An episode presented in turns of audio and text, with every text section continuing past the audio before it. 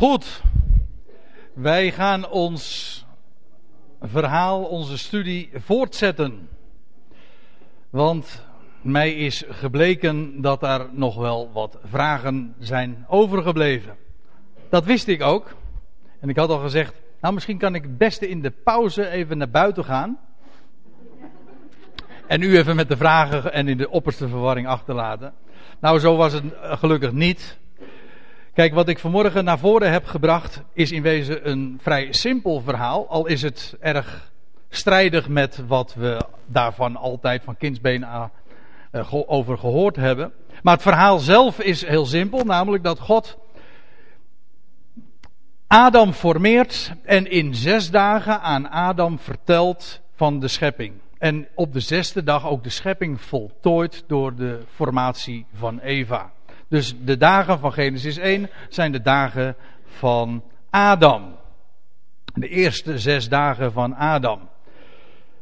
En daarmee werden een heleboel vragen in elk geval opgelost. Ik hoop dat in ieder geval dat duidelijk is. Maar dat neemt niet weg natuurlijk dat er ook nog weer.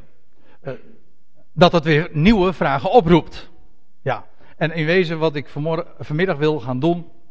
Is de vragen, de meest elementaire vragen die je zou kunnen stellen naar aanleiding van wat ik vanmorgen verteld heb, om die in een uurtijd eens te gaan behandelen. Ik hoop dat u er klaar voor bent, dat u een goede lunch hebt gehad, met u allemaal voorzien. Ik hoop ook uh, dat de kroket niet al te zwaar zal liggen, dat ik uh, niet tegen allemaal slapende gezichten ga aankijken. Dat komt allemaal goed. Wedden? Goed, deel 2. We gaan een aantal vragen eens behandelen. De eerste vraag. En misschien is dat wel de, de, de vraag bij uitstek die bij de meesten leeft. Uh, ik dacht altijd dat de zes dagen in Genesis 1 herscheppingsdagen waren.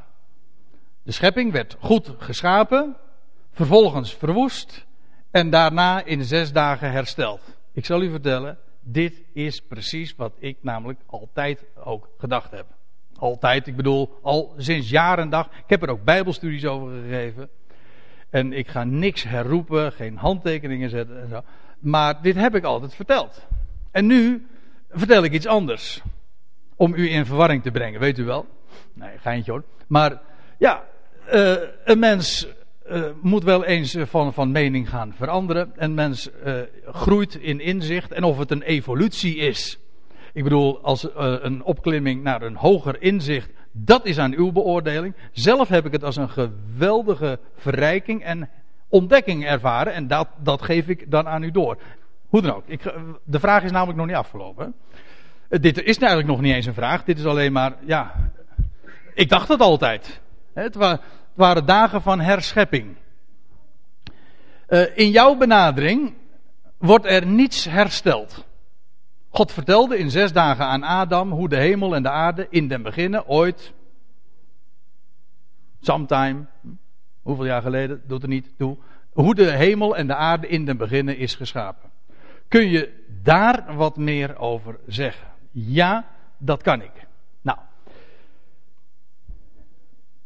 De dagen van, dat de dagen van Genesis 1 dagen van herschepping zijn. Dan begin ik met dit.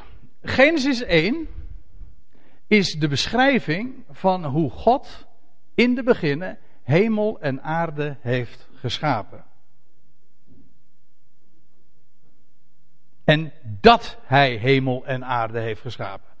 Verzin ik dat? Nee, dat lezen we letterlijk zo in Genesis 2, vers 4. Dit is de geschiedenis, letterlijk, dit zijn de Toledot, hè, waar we het al eerder over hadden. Dit is de geschiedenis van de hemel en aarde toen zij geschapen werden. Als, het een, als de dagen van Genesis 1, die hele geschiedenis die hier vermeld werd, een herschepping was, dan klopt het niet. Dan had er moeten staan: Dit is de geschiedenis van de hemel en aarde nadat zij geschapen werden.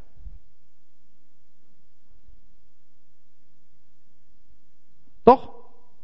Ja. Goed, in Genesis 1. Wat is dan de uitleg?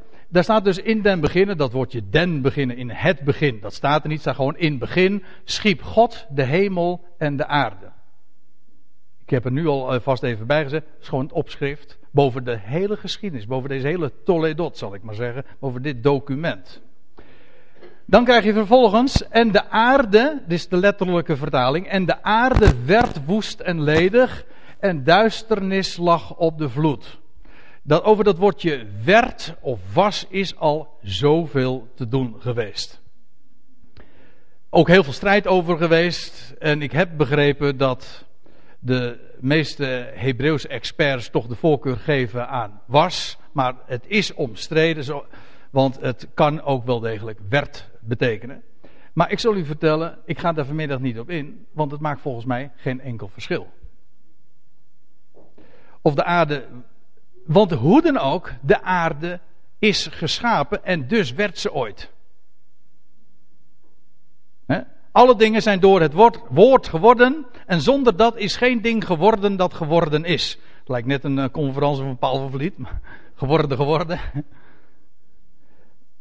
Maar de aarde werd woest en ledig. De gebruik, de uit, nee, het is niet de gebruikelijke uitleg. De traditionele uitleg is eigenlijk gewoon, wat ik nu ook zeg, trouwens, hoe je uiteindelijk toch weer uh, bij iets bij, weer terug bij af kunt komen. Dat is wel uh, een grappig fenomeen. Maar de uitleg die hier dikwijls aan gegeven wordt, en die ik zelf ook altijd zo gedacht heb, namelijk dat is dat ooit God in de beginnen de hemel en de aarde schiep, en daarna werd de aarde woest en ledig. En dan zeggen ze, dat is dan, meestal wordt dan de verklaring gegeven dat dat zou komen door de val van Satan. Dat is trouwens weer een onderwerp apart. dat Satan later uh, gevallen is. Ik moet u zeggen, ik ben het nooit in de Bijbel tegengekomen. Ik lees in mijn Bijbel gewoon dat de duivel zondigt van den beginnen. Kijk, van de, van de mens lees je dat hij in overtreding gevallen is in 1 Timotheus 2. Maar van de duivel lees je hij zondigt vanaf het begin.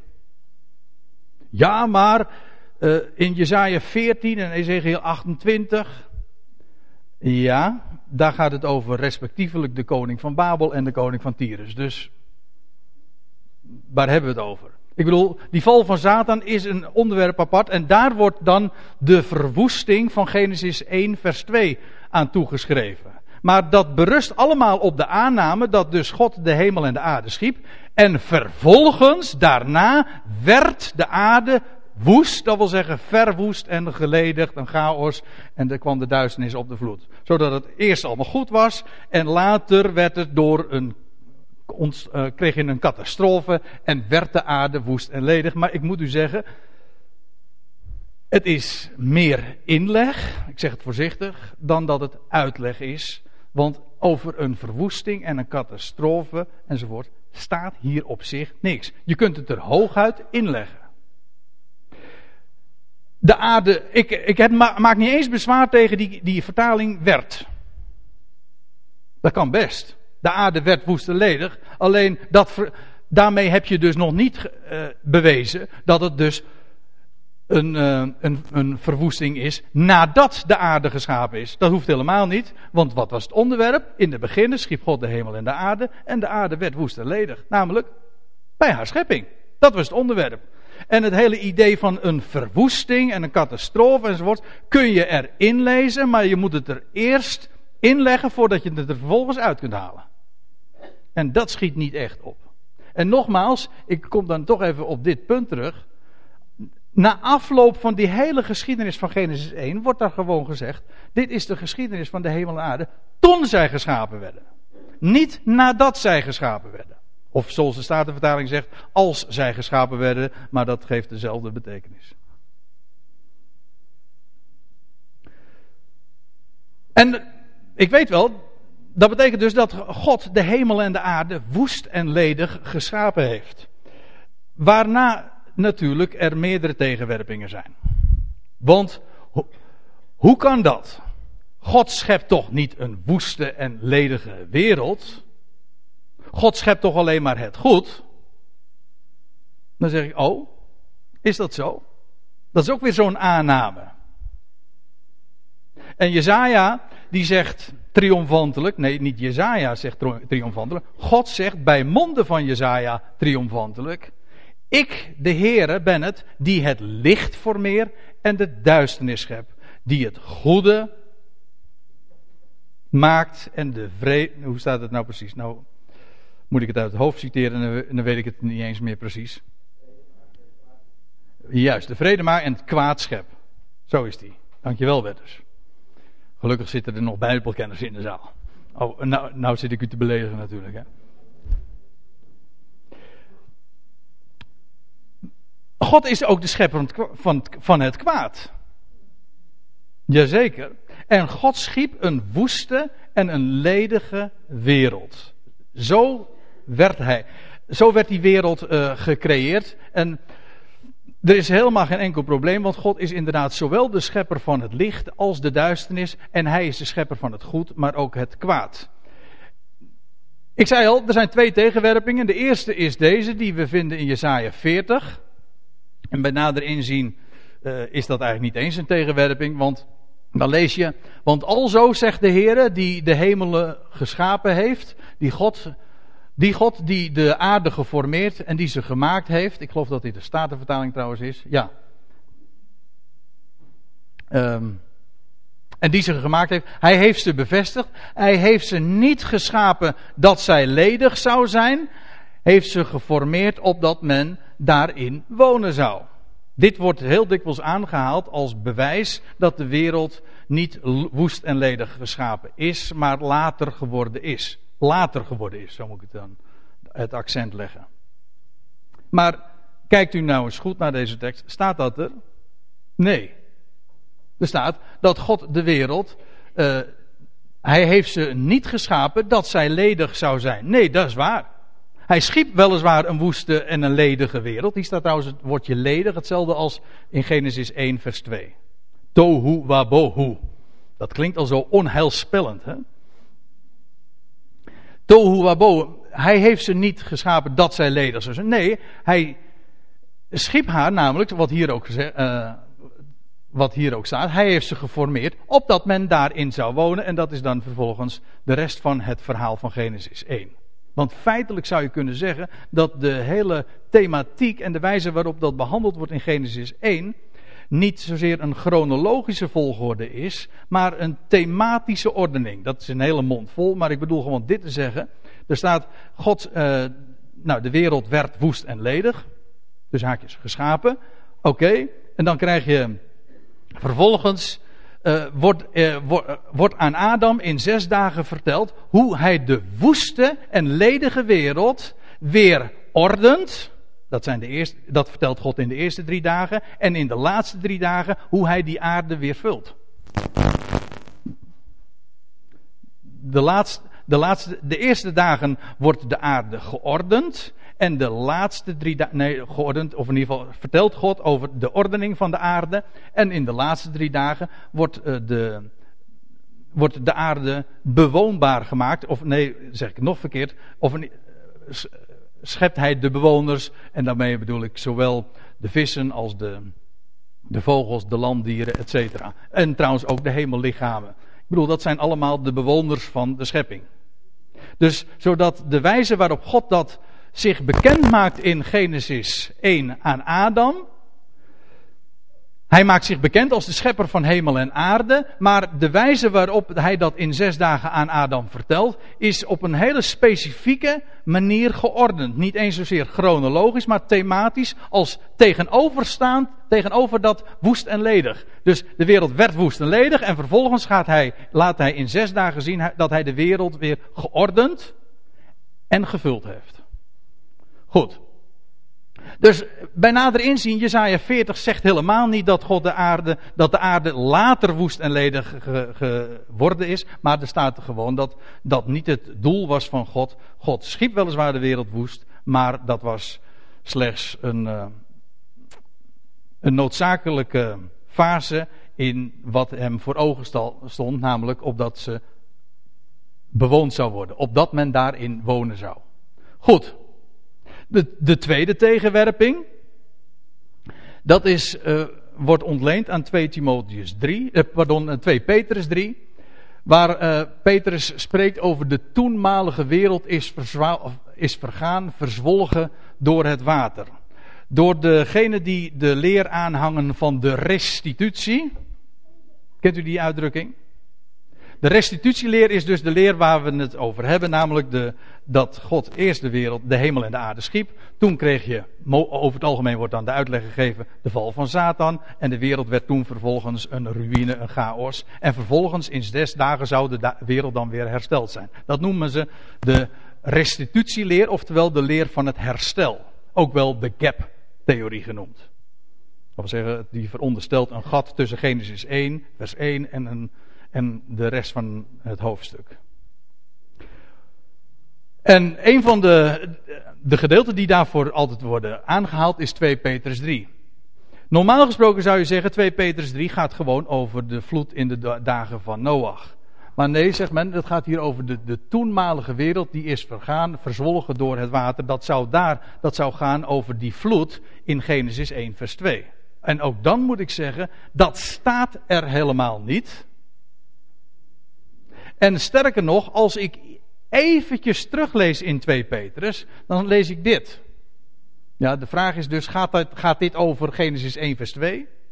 Dan zeg ik nee, dat gaat het helemaal niet over.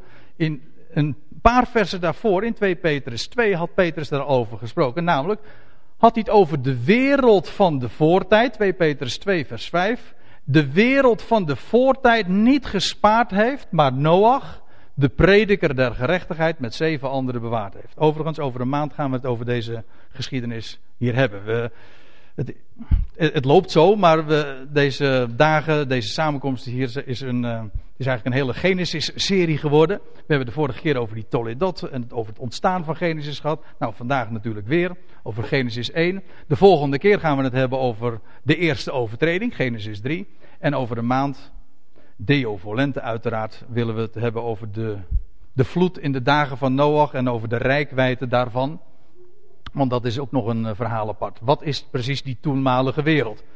Hoe dan ook, die toenmalige wereld, als u het mij vraagt, is niets anders dan de wereld waar, Paul, waar, waar Petrus het over, al eerder over had in zijn brief. Namelijk de wereld van de voortijd, die God niet gespaard heeft, maar Noach, de prediker van de gerechtigheid, met zeven anderen bewaard heeft. Met andere woorden, die toenmalige wereld is deze wereld. De wereld van de voortijd die God niet gespaard heeft.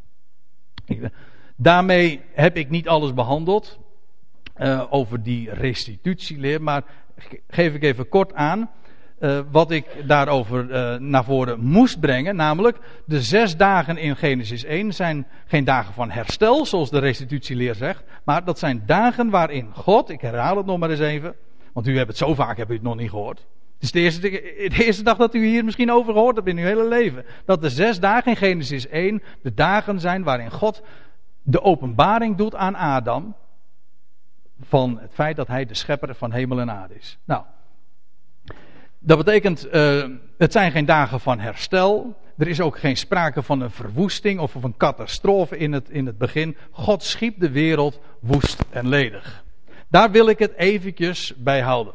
Wellicht dat ik de komende weken hier nog op terug zal komen op mijn website en vragen zal behandelen. Maar ik wil het nu in verband met deze studiedag even hierbij laten. We gaan een andere vraag nog eens onder ogen zien. Dat is ook een hele belangrijke. En in de pauze is die drie keer al tot mij gekomen. Dus het is geen overbodige luxe om het daar nog even over te hebben. Dit is een heel belangrijk punt. Is de vergankelijkheid en de dood niet door de keuze van de mens in de schepping gekomen? Want er staat toch in Romeinen 5, vers 12. Daarom, gelijk door één mens de zonde de wereld is binnengekomen en door de zonde de dood, zo is ook de dood tot alle mensen doorgegaan. En hier aan meent men te ontlenen dat de schepping dus pas te maken kreeg met zonde en met dood door Adam, die ene mens, waar het hier dus over gaat. Die ene mens die een beeld is van de komende namelijk de tweede, of beter, de laatste Adam. Maar weet u wat het punt is? Er, wordt hier eh, gesproken over de wereld en dan denkt men van, oh dat is de hele schepping. Maar daar gaat het niet over. Het gaat hier over de mensenwereld. Zoals dat zo vaak in, de, in het Nieuwe Testament het geval is. Hier staat het woordje kosmos, dat is waar. Maar het heeft betrekking heel dikwijls op de mensenwereld. Denk maar aan, um, de wereld heeft, uh, is door hem geworden, maar heeft hem niet gekend. Gaat het over de mensenwereld. En er zijn vele uh, voorbeelden meer daarvan te geven. De wereld heeft hem verworpen, aan het kruis genageld. Hoe, zulke, zulke uitdrukkingen kom je allemaal tegen. Het gaat hier over de mensenwereld. De dood is in de mensenwereld, de mensenwereld gekomen, zoals het verband ook aangeeft. Hè? Alle mensen, door die ene mens. Dus door Adam is de dood in de mensenwereld gekomen. Niet in de schepping. Dat staat er niet. En als je even doorbladert in dezezelfde brief, dan kun je dat ook zwart op wit lezen. Er staat in Romeinen 8, vers 20. Dat is een magistraal hoofdstuk. En trouwens ook een magistraal vers. Ik wil het zo eens even met u lezen. Want weet u, daar staat iets geweldigs. Daar staat. Want de schepping is aan de vruchteloosheid. Als u een statenvertaling hebt, dan leest u aan de ijdelheid. De schepping is aan de ijdelheid of aan de vruchteloosheid onderworpen. En er staat iets bij. Niet vrijwillig. Maar om hem die haar daaraan onderworpen heeft. En hem is, heeft een hoofdletter. Het gaat hier over, het is niet het schepsel, oh, ik geloof dat de Statenvertaling het zo ook heeft, hè? het schepsel. Ja. Het, het is niet het, de wil van het schepsel, maar van wie dan wel? Nou, van de schepper. Hem die haar daaraan onderworpen heeft. De, de schepping is aan de vruchteloosheid, aan de ijdelheid onderworpen. Dat is niet het gevolg van een val van Satan in een grijs verleden. Of aangenomen dat er zo'n val geweest zou zijn. Ook niet het gevolg van de overtreding van Adam. Het is helemaal niet de keuze geweest van het schepsel zelf. Dat staat in Romeinen 8. Heel uitdrukkelijk. De schepping is inderdaad aan de, de vruchteloosheid, de ijdelheid onderworpen. Maar dat is zo omdat God daar, haar daaraan onderworpen heeft. Dat is dus niet de keuze van het schepsel. Het is de schepper zelf die dat gedaan heeft.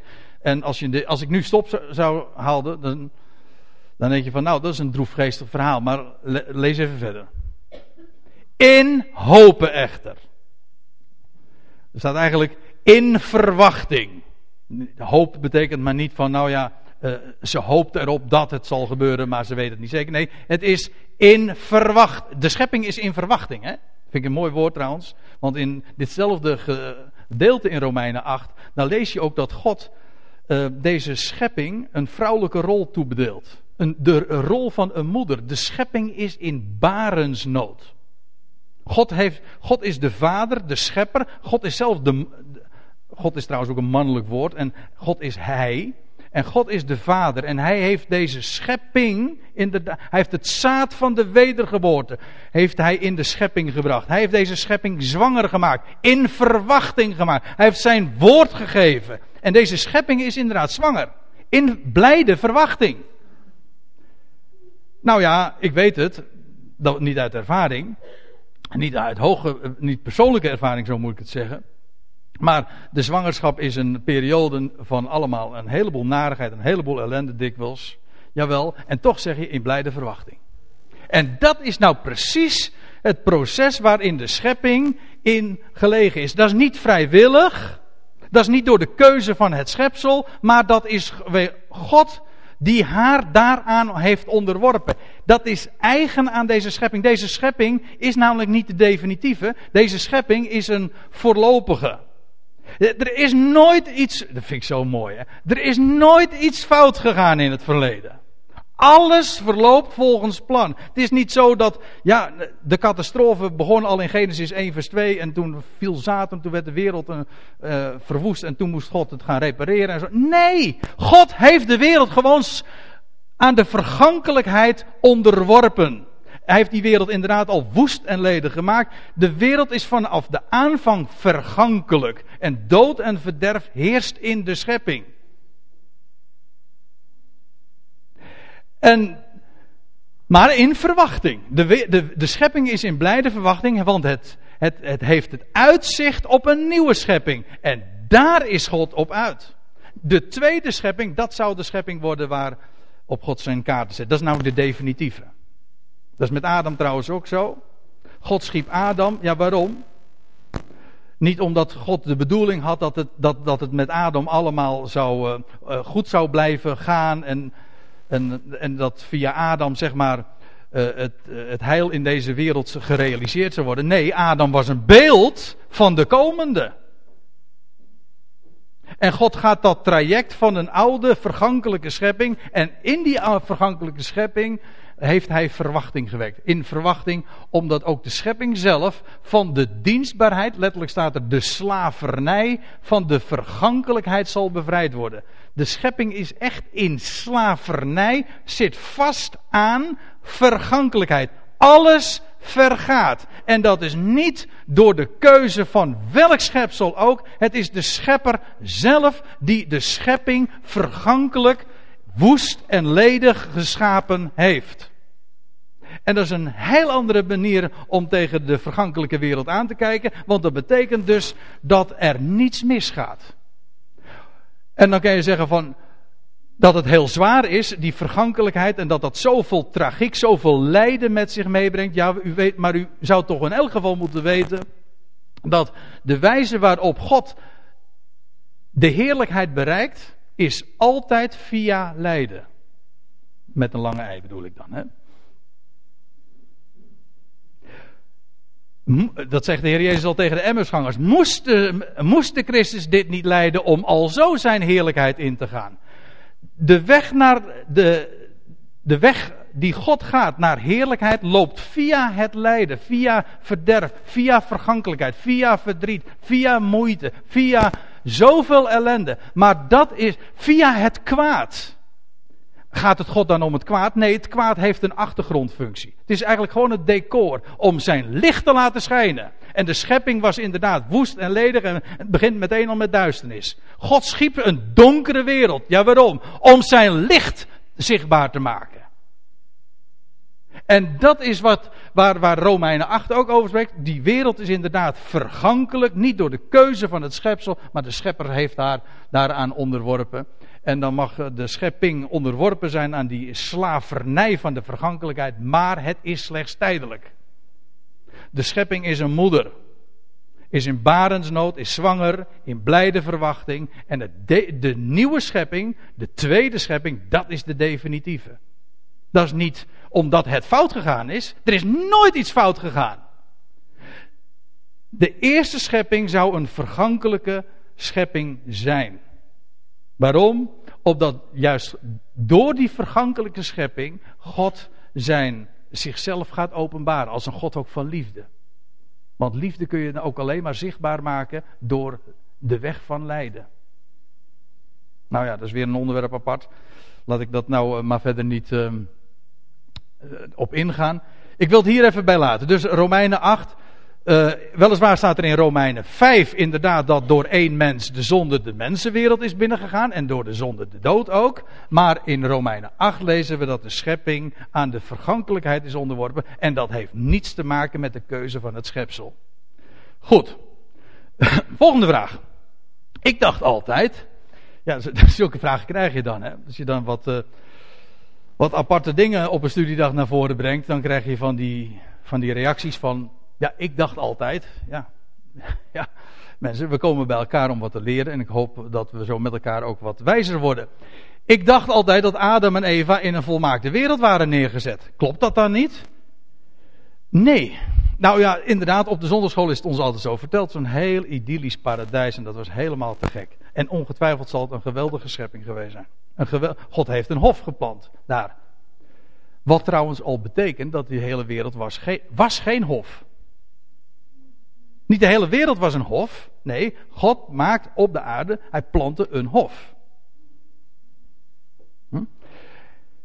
En er zijn zo al vier redenen die ik wil aanvoeren vanuit de eerste hoofdstukken van Genesis. Waaruit blijkt dat die wereld helemaal nog niet volmaakt was. Was goed, was misschien zeer goed, maar volmaakt allerminst. Er was ook helemaal niet trouwens de bedoeling, maar daar hadden we het al over. Alles op zijn tijd. Maar... Goed, uh, de, het eerste punt is wat we lezen in Genesis 1. Let op dat woordje wat hier onderstreept staat. God zegende hen, staat er, en God zeide tot hen. Uh, wees vruchtbaar en word talrijk, want u weet het. Dat moet ik nog even zeggen, want ik kom daar verder nu niet meer op terug. Maar er is een vraag uh, op mij afgekomen, ook in de pauze. Twee keer zelfs de vraag. Hoe dat dan zit met die schepping van de mens. Nou, kijk. Voor, dat moet ik even nu even er tussen lassen. Voordat, voor de zesde dag, was Adam geen man. Hm? Nee, echt, was het de mens. En op de zesde dag lees je inderdaad dat God uh, de mens schiep. Mannelijk en vrouwelijk schiep hij hen. Adam werd pas man door de vrouw. Zegt Paulus later in 1 Korinthe 11 ook. De man is door de vrouw. Dat betekent gewoon, een man is een man door de vrouw. Zoals een vrouw een vrouw is door de man. Uh, dat zijn van die relatieve begrippen. Er bestaat, er bestaat geen licht zonder duisternis. Die, de, het ene ontleent zijn betekenis aan het ander. Mannelijk heeft slechts betekenis als er ook vrouwelijk is. Als er helemaal niet zoiets is als een vrouw, dan. Daarom heet Adam ook in, in eerste instantie gewoon de mens. Voor de komst van de vrouw was het de mens. Twee, wellicht, ja, daar kun je dan ook nog weer over door, uh, door redeneren. En, of, nou, redeneren is niet zo'n goed idee. Dat Adam inderdaad tweezijdig was. En dat een zijde uit hem genomen werd. En dat hij dus een zijde verliest, verloor. Pardon. Nou, verloor. Uit hem genomen werd. En zo, en mannelijk en vrouwelijk schiep hij hen. Op die wijze. Goed. Dan, in dat verband lees je, als dat gebeurd is op die zesde dag. Eh, en God zegende hen en God zeide tot hen: Wees vruchtbaar en word talrijk, vervult de aarde en onderwerpt haar. Heerst over de vissen der zee en over het gevogelte des hemels en over al het gedierte dat op de aarde kruipt. En ik ben ervan overtuigd, ik zei zojuist, de Adam werd niet in een idyllisch paradijs geplaatst waar het allemaal paais en vree en allemaal geweldig en volmaakt was. Nee, dat niet. Maar Adam was wel een creatie van God die uh, vanaf de aanvang kon spreken, kon benoemen. Absoluut geen primitieve holbewoner. Wat dacht u? Adam was een uh, rechtstreeks gecreëerd door God en, uh, en God maakt zich meteen al vanaf de eerste dag bekend aan hem. Dat is onvoorstelbaar hoor. Ja, we bespreken dat zo eventjes in zes kwartier met elkaar. Maar, maar Adam heerste ook, beheerste ook werkelijk de dierenwereld.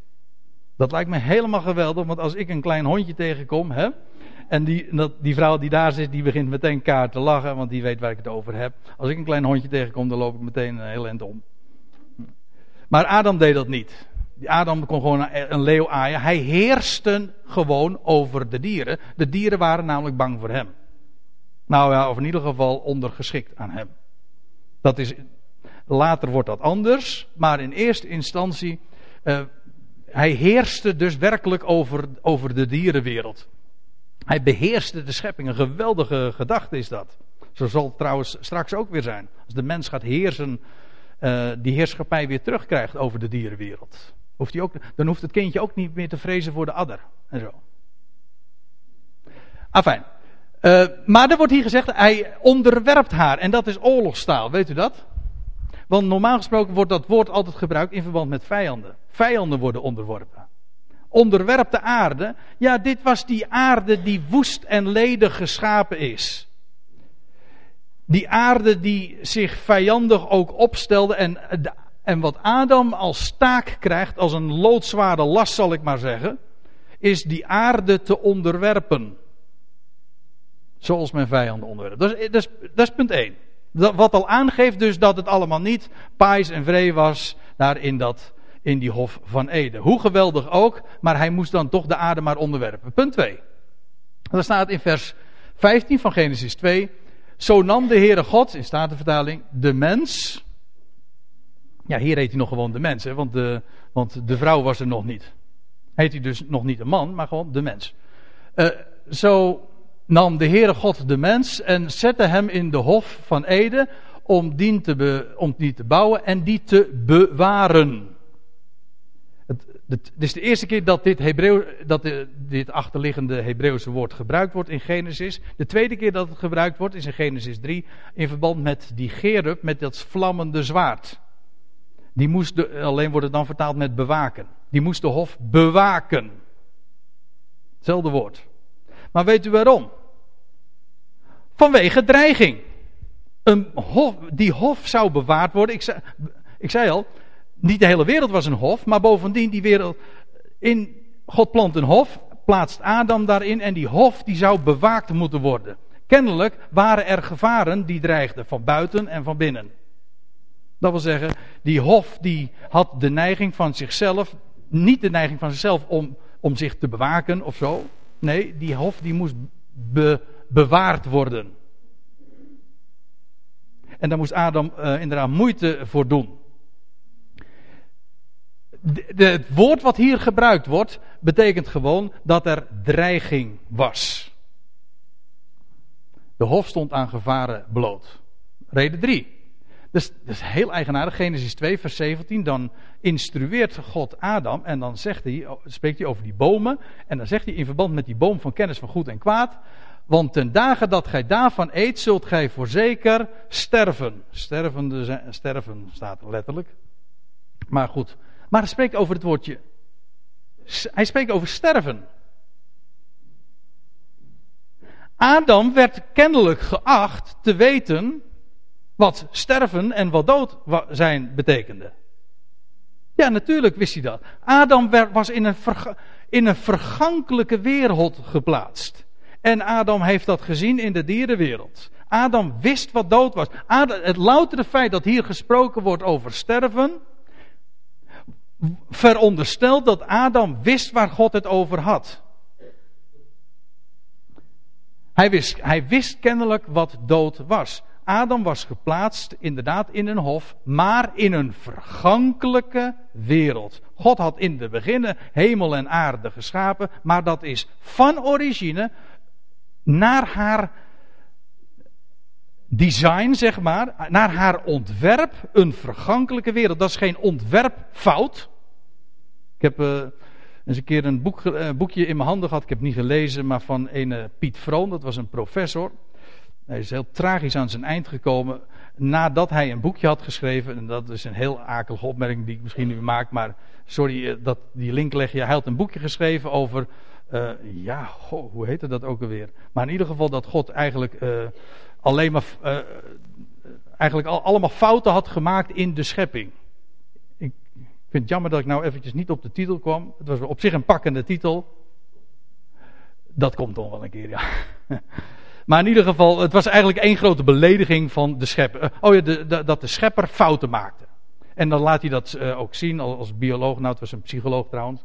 Maar dat, uh, dat daar zoveel fouten in de schepping zijn. En dat is ook zo. Maar dat zijn fouten by design. Dat zijn de, wij, God heeft de wereld niet als een blijvende schepping geschapen, maar als een vergankelijke wereld. Dat is, zit in het ontwerp ingebakken. En, nou, ik ga eventjes nog uh, verder naar, de, naar, die, naar het vierde punt. Oh. Ja, dat sluit erg aan bij wat we zojuist lazen. Als Adam en Eva eenmaal in de hof zijn. We gaan het daar de volgende keer over hebben. Uit veel uitgebreider. Ook over de slang. Die sprak. Hoe zit dat dan? Nou. Dan lees je als ze van de verboden vrucht gegeten hebben.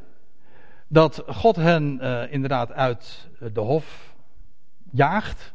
Want daar komt het min of meer op neer. Of in ieder geval uit de hof zet. En dan staat er. Totdat gij, er wordt tegen Adam gezegd, totdat gij tot de aardbodem weerkeert, omdat gij daaruit genomen zijt. Want stof zijt gij en tot stof zult gij weerkeren. En ik heb er als aantekening bij gezet, de mens was reeds sterfelijk. Ja, weet u waarom? Kijk, De mens was inderdaad een sterfelijk wezen. U zegt, ja, maar hij, kon, hij zou toch niet sterven zolang hij at van die boom? Nee, precies. Hij stierf niet dankzij het eten van die boom des levens, maar dat bewijst slechts dat hij zelf nog sterfelijk was. Begrijpt u? Adam van zichzelf is uit de aardbodem. Uh, waarom, laat ik het anders vragen. Waarom keerde Adam nou gewoon terug tot de aardbodem? Gewoon even hier in dit vers, in het licht van dit vers. Antwoord: omdat hij daaruit genomen was. Waarom verging Adam? Hè? Waarom was hij een vergankelijk wezen? Wel omdat hij uit de aardbodem genomen was. Die aarde die vanaf de, uh, de origine woest en ledig is. Ziet u? Zodat uh, Adam inderdaad, uh, in, zolang hij in die hof was, niet zou sterven. Dat is waar, maar dat was slechts omdat hij de toegang had tot de boom des levens. Zodra die toegang hem verhinderd was, ging hij inderdaad stervende sterven. En zoveel jaren later, nou ja, dat was heel wat jaren later trouwens, moet ik erbij zeggen, stierf hij inderdaad uiteindelijk. ging hij dood, zeggen we dan. Zodat ik daarmee gezegd is, zo, ik heb u uh, vier van die redenen genoemd die je zo in de eerste hoofdstukken van Genesis leest. Waaruit blijkt dat die hof van Eden weliswaar een geweldige hof was. En, en, en bijzondere omstandigheden die we ons, waar we ons nauwelijks nu, zoveel duizenden jaren later, nauwelijks meer een voorstelling van kunnen maken. Maar het was een vergankelijke wereld. En er zijn allerlei aanwijzingen al in die eerste hoofdstukken die dat aangeven. De wereld was vijandig, moest onderworpen worden. Er wordt gesproken over de dood, etc. Dat wordt allemaal als bekend verondersteld. De, de Adam was geplaatst in een vergankelijke wereld. De volgende vraag. Dat is wat een uh, meer informatieve vraag. Oh, ik zie dat het inmiddels alweer kwart voor twee is. Ik ga, ik ga wel maar uh, wat vater inzetten. De zes dagen als dagen van openbaring. Waar kan ik daar meer over lezen? Want misschien denkt u van, nou wat hij vanmorgen heeft verteld over die zes dagen. Dat dat dagen van openbaring zijn. Dat God zich aan, aan de mens bekend maakt als de schepper. En dat hij dat in zes dagen vertelt. God vertelt niet over de zes dagen. Nee, God vertelt in zes dagen over de schepping. Dat is een heel groot verschil. Maar uh, heb je, hoe ben jij daarop gekomen? Nou, dat zal ik u vertellen. Ik heb de vorige keer heb ik gesproken over die Toledot, hè, over de, het ontstaan van het boek Genesis. Het is een geweldige eye-opener, was het voor mij. En ik heb zo van links en rechts van allerlei mensen gehoord zeggen van geweldig dat, dat, dat het boek Genesis inderdaad zo geredigeerd is inderdaad door Mozes, maar dat het al in vroege tijden is ontstaan en door de aartsvader zelf is opgetekend. Wat zo'n geweldig licht werpt op de betrouwbaarheid van dat eerste Bijbelboek. Dat is fenomenaal dat Adam zelf al dat eer, die eerste hoofdstuk heeft opgetekend. Nou, wie heeft me op dat spoor gezet? Dat is, deze, dat is meneer Wiseman geweest. Dat is een prachtige naam. Ik weet, ik weet, misschien heeft hij zijn naam ooit laten veranderen en zegt van ik wil Wiseman heten. Dat was een eigen, nee, dat was die eigenwijze. Nee, hij heette gewoon zo en dat is een hele mooie naam. Maar daar zullen we het verder maar niet over hebben. Maar die Wiseman die heeft eh, daar in de vorige eeuw, in de jaren 30, hij was een amateur eh, archeoloog. Ik heb dat de vorige keer geloof ik ook al verteld. Een uh, amateur archeoloog. Zijn zoon zou een professor daarin worden. En die heeft het werk van zijn vader ook erg gepromoot.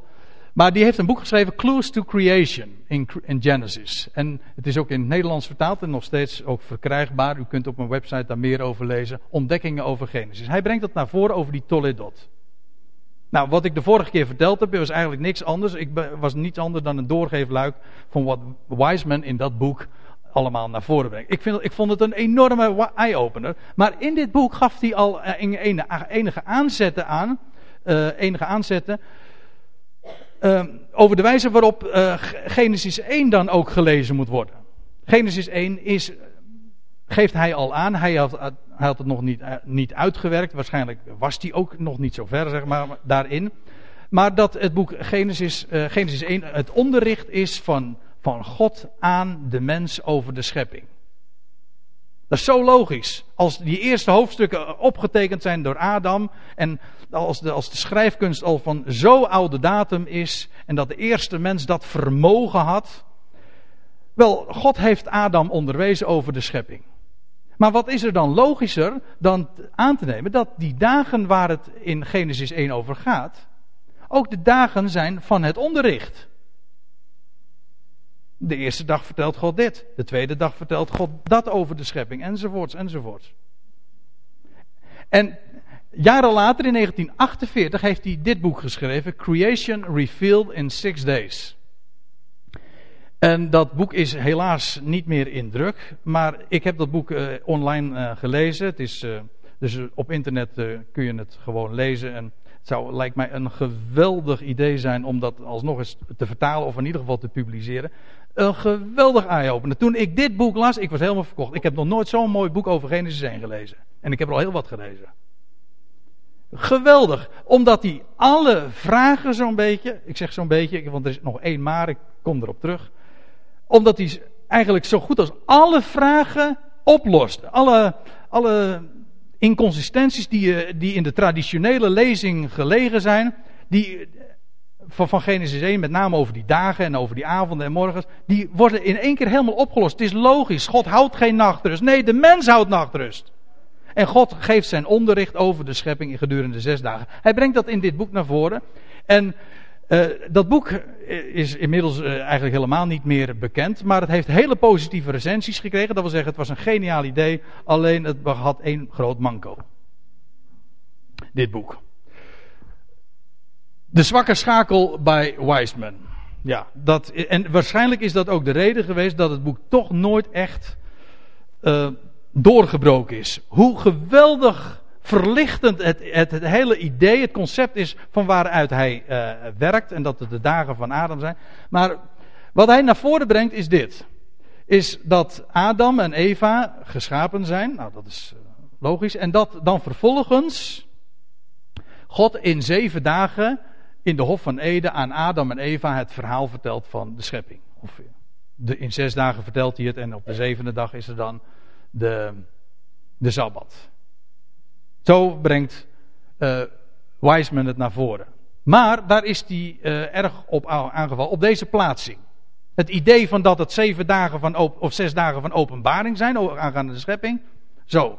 Maar, eh, maar men heeft gewezen op dit, op dit punt. Dat is een, een heel kritiek punt, namelijk dat je in Genesis 2, vers 3 leest. En God, daar staat over de zevende dag. En God zegende de zevende dag. En hij heiligde die, omdat hij daarop gerust heeft van al het werk dat God scheppende tot stand had gebracht. Kijk, dat in, als, als het zo is gegaan dat God Adam en Eva geschapen heeft en vervolgens die zeven dagen, dan kun je niet zeggen dat God in op de zevende dag het scheppingswerk volmaakt, uh, voltooid had, want dat was al lang voltooid. En hij geeft, hij, uh, Wiseman zit daar ook wel mee, maar hij, hij, suggereert een andere vertaling van dat vers, maar het blijft passen en meten en dan weet je eigenlijk al op voorhand. Ik neem het de man niet kwalijk, want we zijn allemaal beperkt in ons inzicht. Ik dus ook. Ik hoop dat u dat ook, als ik deze alternatieve dingen zo naar voren breng, dat u dat, vooral die kritische zin, behoudt. Maar hij stelt, dus een andere lezing voor, maar dat, is, uh, dat was weinig overtuigend. Het punt is, die schep. Kijk, dat het, die dagen, dat het dagen zijn waarin God vertelt van de schepping, oké. Maar het, die, het heeft nog een kenmerk. Die, in die zes dagen voltooit God ook de schepping. En ik, ik denk dat er een hele eenvoudige manier is om die zwakke schakel ertussen uit te halen. En dan blijft het verhaal van Wiseman gewoon staan als een huis en wordt het alleen nog maar sterker. En dan krijg je deze lezing. En dat is wat ik deze dag ook naar voren breng. Ik als ik dit niet had ontdekt, had ik deze dag ook nooit belegd. Want dan had ik namelijk met één grote vraag gezeten. En dat is, had ik dat, die visie van Wiseman niet zo naar voren gebracht, hoezeer ik er ook van gecharmeerd zou zijn. Maar toen mij dit licht opging, namelijk dat die zeven dagen niet na de schepping van Adam en Eva geplaatst moeten worden, maar die zes dagen die beginnen bij de schepping van Adam. En zes dagen later, op vrijdag zal ik maar zeggen, wordt Eva geformeerd. En dat is, dat zijn die dagen waarin God vertelt over de schepping. En bovendien de schepping zelf ook voltooid. En dat is een heel belangrijk punt. Dat betekent namelijk dat Eva geformeerd is op de zesde dag. En in die zes dagen is de schepping dus tot voltooiing gebracht. En dat is dus de zevende dag. Daarna. Zodat in zes dagen inderdaad creation revealed is, de schepping geopenbaard is, verteld is, het verslag is gedaan. In zes dagen heeft God uh, de cursus hemel en aarde gegeven, zal ik maar zeggen. Ja. Maar dat niet alleen. Hij, in die zes dagen voltooit hij ook de schepping. De voltooiing van de schepping is de mens te creëren, mannelijk en vrouwelijk. En dan is die, hele, is die zwakke schakel weg. En dan staat het verhaal alsnog als een huis. En dat is wat ik u vandaag uh, probeer duidelijk te maken. Wat ik u vertel over die zes dagen. Het zijn inderdaad dus de dagen van, van Adam. En op de zesde dag voltooit God en het verhaal. En voltooit hij de schepping door Eva te formeren. En dan is de schepping voltooid. Goed, volgende vraag. Want we moeten nu echt opschieten. Als de aarde en de. Ja, nu al eventjes een klein vraagje. nog even een klein vraagje, zo even nog uh, in, in twee, drie minuten even, vertellen, even behandelen. Als de aarde en de natuur mogelijk vele miljoenen jaren oud zijn. Want dat kan. Ik bedoel, 6000 jaar geleden pak weg. Voor mij mag het iets langer geweest zijn, maar ongeveer 6000 jaar geleden heeft God de mens geformeerd. En in zes dagen van 12 uur, ik zeg het expres even zo, heeft God de schepping aan Adam verteld. Oké. Namelijk over de schepping in den beginnen. Wanneer was dat? Staat er niet bij. Dus uh, dit geeft zoveel ruimte. Dus heel, kijk, laten we, ik zei net misschien wat lelijke dingen over die knevel. Hè? Over meneer Knevel, sorry. Die knevel, dat klinkt zo erg, zo laatdunkend. Maar, ik bedoel, het feit dat hij zoveel moeite heeft met de, hij zegt, ik kan met wat ik weet over de ouderdom van de aarde en over de natuur, kan ik niet geloven dat God de hemel en de aarde in zes dagen geschapen heeft. Ja, wat hij dan doet is gewoon Genesis 1 gewoon uit zijn bijbeltje scheuren. Kijk, dan, zeg, dan, dan worden we furieus natuurlijk. Maar het louter feit dat hij daar grote problemen heeft, is volkomen terecht. Het, het, punt is, de Bijbel leert dat ook helemaal niet. God schiep de schepping ooit in den beginnen. Laat het honderden miljoenen jaren geleden zijn geweest. Geen enkel probleem. God vertelde het 6000 jaar geleden ongeveer aan Adam in zes dagen. Oké. Maar goed, dat betekent dus als de aarde en de natuur mogelijk vele miljoenen jaren oud zijn. Betekent dat dat de, soorten, dat de soorten, de diersoorten, de plantensoorten, ontstaan kunnen zijn door evolutie? Dat zou dan kunnen, zou je zeggen. Maar dan heb ik toch een ander punt. Kijk, laten de algemene evolutieleer is: alle soorten hebben een gemeenschappelijke afstamming. Alle soorten hebben één voorouder, een gemeenschappelijke voorouder. Je moet tegen een evolutionist ook niet zeggen dat we van de apen afstammen. Want zegt hij, de je moet het correct formuleren. De apen en wij hebben een gemeenschappelijke voorouder. Zij zijn namelijk ook een product weer van een, een andere evolutietak, zeg maar. Maar in de praktijk komt het toch op hetzelfde neer hoor. Want als je dan vraagt van wat is die gemeenschappelijke voorouder, dan is het toch nog een aap. Dus, dus uh, dat is uiteindelijk allemaal een beetje wo woordenspel. Hoe dan ook, uh, algemene evolutieleren is, alle soorten hebben een gemeenschappelijke afstamming. En betekent in de praktijk natuurlijk dat de mens uit het dierenrijk voortkomt, waar ik nog altijd erg van gruw. En ja, toch wel. Ja, vooral als je eenmaal, als je weet, als je Genesis hebt gelezen, dat, dat God de creator van de mens is. Niet uit het dierenrijk, maar, maar stemt dat hele idee van evolutie, de, de, soorten die uit elkaar ontstaan zijn, e- overeen met wat we in Genesis 1 lezen? Nee, dat, dat moet ik zeggen, absoluut niet. Want wat lees je iedere keer? In Genesis 1, vers 12. Dat, en de aarde bracht jong, jong groet voort, dat naar zijn aard zaad geeft en geboomte, dat naar zijn aard vruchten draagt, welke zaad bevatten. Dat wil zeggen, God schept de soorten, hè, elk pardon, elk naar zijn aard. En dat is het telkens terugkerend refrein in Genesis 1. Vers 21. Toen schiep God de grote zeedieren en alle krioelende levende eh, wezens. Dit, is, dit vertelt God aan Adam op de vijfde dag. Over de schepping ooit, in den beginnen dus. Hè. Toen schiep God de grote zeedieren en alle krioelende levende wezens. Waar, levende zielen staat er trouwens. Waarvan de wateren wemelen. Naar hun aard. En allerlei gevleugeld gevolgde naar zijn aard. Die soorten heeft God gewoon inderdaad naar hun aard gecreëerd. Die, die dieren komen niet allemaal uit elkaar voort. Nee, die zijn elk naar hun aard gecreëerd. Of zo u wilt. Ja, hier in dit geval staat er gecreëerd. Geschapen. Uh, vers 25. En God maakte het wildgedierte naar zijn aard. En het vee naar zijn aard. En alles wat op de aardbodem kruipt, naar zijn aard. Iedere keer weer naar zijn aard. Naar hun eigen aardigheden. Hè? Naar hun, ja, in het Hebreeuws staat er een woordje, heeft dat te maken met, met eh, de, de, de scheppingssoorten. God heeft de soorten inderdaad onderling van elkaar gescheiden, gedifferentieerd, gecreëerd, voor, uh, voortgebracht.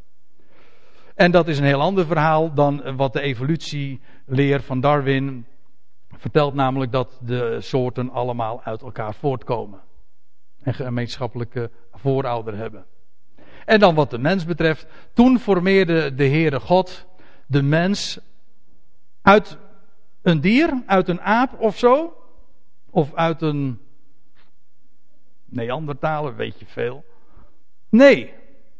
Toen formeerde de Heere God de mens van stof uit de aardbodem en blies hem de levensadem in zijn neus. En al zo werd de mens tot een levende ziel. Zo, niet anders.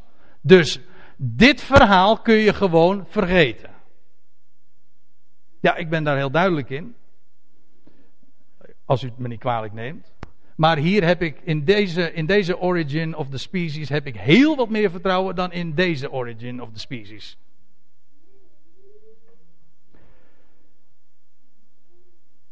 God formeerde de mens uit, van stof uit de aardbodem en dat was op de juist. Wat is die ook?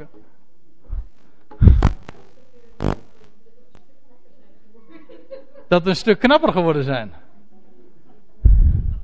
Ja, dat is uh, soms ja.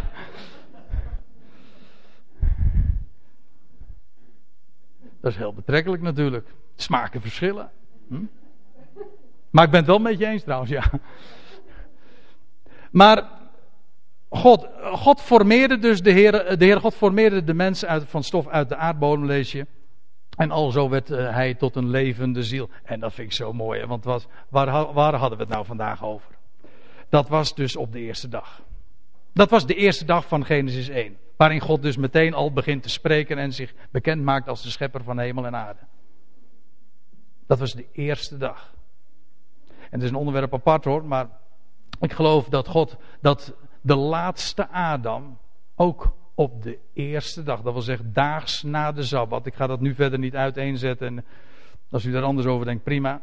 Maar dat God inderdaad ook de laatste Adam, niet tot een levende ziel, maar tot een levend makende geest maakte door hem inderdaad uit de dood te laten voortkomen. Ook op die eerste dag van de week. Zodat Adam ook daarin een schitterend type is van de laatste Adam. Vind ik zo mooi. Een heleboel mensen zeggen, als ze het daarover hebben, hebben het over de tweede Adam. Dat klopt op zich wel hoor, maar de Bijbel formuleert het anders. Het is inderdaad de tweede Adam, maar het is de laatste Adam. Waarmee gezegd is, het is de definitieve. Want je zou natuurlijk kunnen zeggen dat als het de tweede Adam is, dat er ook nog weer een derde komt. Of een vierde. Nee, de tweede Adam is meteen ook de laatste Adam. En toen God Adam schiep, dan was, was hij daarin toen al een beeld van de komende, de laatste Adam. Hij zou de definitieve versie zijn. Adam was alleen maar een demo-versie, zeg maar. Adam was slechts een, een, een toonbeeld, een prototype van hem die zou komen, de definitieve. Dat geldt trouwens voor de hele schepping. Deze, hele, deze eerste schepping is slechts een type van de, van de tweede, de definitieve schepping. En beide zagen het licht ooit op die eerste dag. De dag na, op, de, de, op inderdaad de eerste dag van de week. Toen stond hij op uit het graf. De laatste Adam. En uiteindelijk vind ik dat dan wel een mooie afsluiting. Om inderdaad daar te eindigen bij de laatste Adam en bij dat, bij dat geopende graf. Want wat ik zo mooi vind in Genesis, en dat is niet eens het onderwerp van vandaag, maar alles in Genesis 1 al wijst naar Hem. Naar de laatste Adam, naar Hem die zou komen. Ik zou, dit is een studiedag apart om te laten zien dat het inderdaad allemaal spreekt van de Heer Jezus Christus. Maar ik kan niet nalaten om vooral nu eventjes hierop te wijzen. Deze Adam, hè, waarvan ik, uh, wat ik eigenlijk vandaag verteld heb. Ja, Adam, die eerste dag, dat is de dag van Adams schepping. Ja, maar daarin is hij een type van de laatste Adam. En van het geopende graf. Toen hij het levenslicht zag. Ja, nou en daarmee uh, is het tijd geworden om de dag af te sluiten. Hoogtijd zie ik zelfs. Want u wil natuurlijk straks, als u thuis komt, even zeggen wat er vandaag allemaal even gezegd is. Nou, zal ik het u gemakkelijk maken. Dan zou ik zeggen.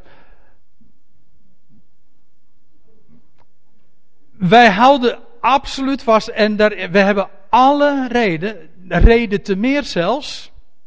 Meer reden dan ooit tevoren om vast te houden aan de letterlijke lezing van Genesis 1. Die dagen van Genesis 1 zijn gewone dagen, zo, de dagen zoals ze zich ook presenteren. Goed, ja. Wat is de waarde van deze dag? We kunnen gewoon, we hebben reden, alle reden, meer reden dan ooit, om vast te houden aan de letterlijke, ik bedoel gewoon de normale lezing van Genesis 1. Dat wil zeggen, je kunt het lezen zoals het zich aan ons voordoet dat, we eventjes, dat er een knop om, om moet, omdat je af moet van het idee waar we altijd mee groot geworden zijn, namelijk dat het scheppingsdagen is, zijn. Oké, dat, was, dat was zeg maar het probleem wat we vandaag getackeld hebben. Maar we kunnen vasthouden aan de letterlijke lezing van Genesis 1, zonder de ongerijmdheden in de tekst over die kwestie van die dagen en over die morgen en die avond. En bovendien zonder enig probleem ook met miljoenen jaren ouderdom van aarde en natuur, zodat u met een gerust hart en zonder, zonder kromme tenen naar naturalis kan gaan en naar dat soort voorstellingen kunt bekijken. En, hoewel ik wel eens een keertje denk van al die miljoenen jaren waar men het over heeft, die, uit welke hoge hoed komen die? Maar uh, dat even voor lief nemend, het is allemaal geen enkel probleem. Dat strijdt op zich totaal niet met wat we in Genesis 1 lezen. En ik moet u zeggen, dat alleen al is een, eh, een, eh, een geweldige reden om, om, om zo'n studiedag te beleggen. Zodat er geen enkel conflict is met de letterlijke lezing van Genesis 1 en met een miljoenen, of voor mijn part miljarden jaren oude aarde en natuur. Zo. Slik. En dan vervolgens dat is vooral het thema van, de laatste, van het laatste deel van deze tweede samenkomst. De vergankelijkheid en de dood horen bij het ontwerp van deze schepping. Is geen foutje. Nee, nee. God is de schepper die daar haar, van, haar daaraan uh, van de beginnen aan heeft onderworpen. En vervolgens, deze schepping werd geschapen met het oog op de nieuwe, de definitieve schepping. En daarmee wilde ik deze dag afsluiten en wilde ik André vragen om nog even hier plaats te nemen. Dan zingen we met elkaar nog één lied. Een, een, een loflied dat spreekt van de schepper die tevens de redder van het gans heelal is.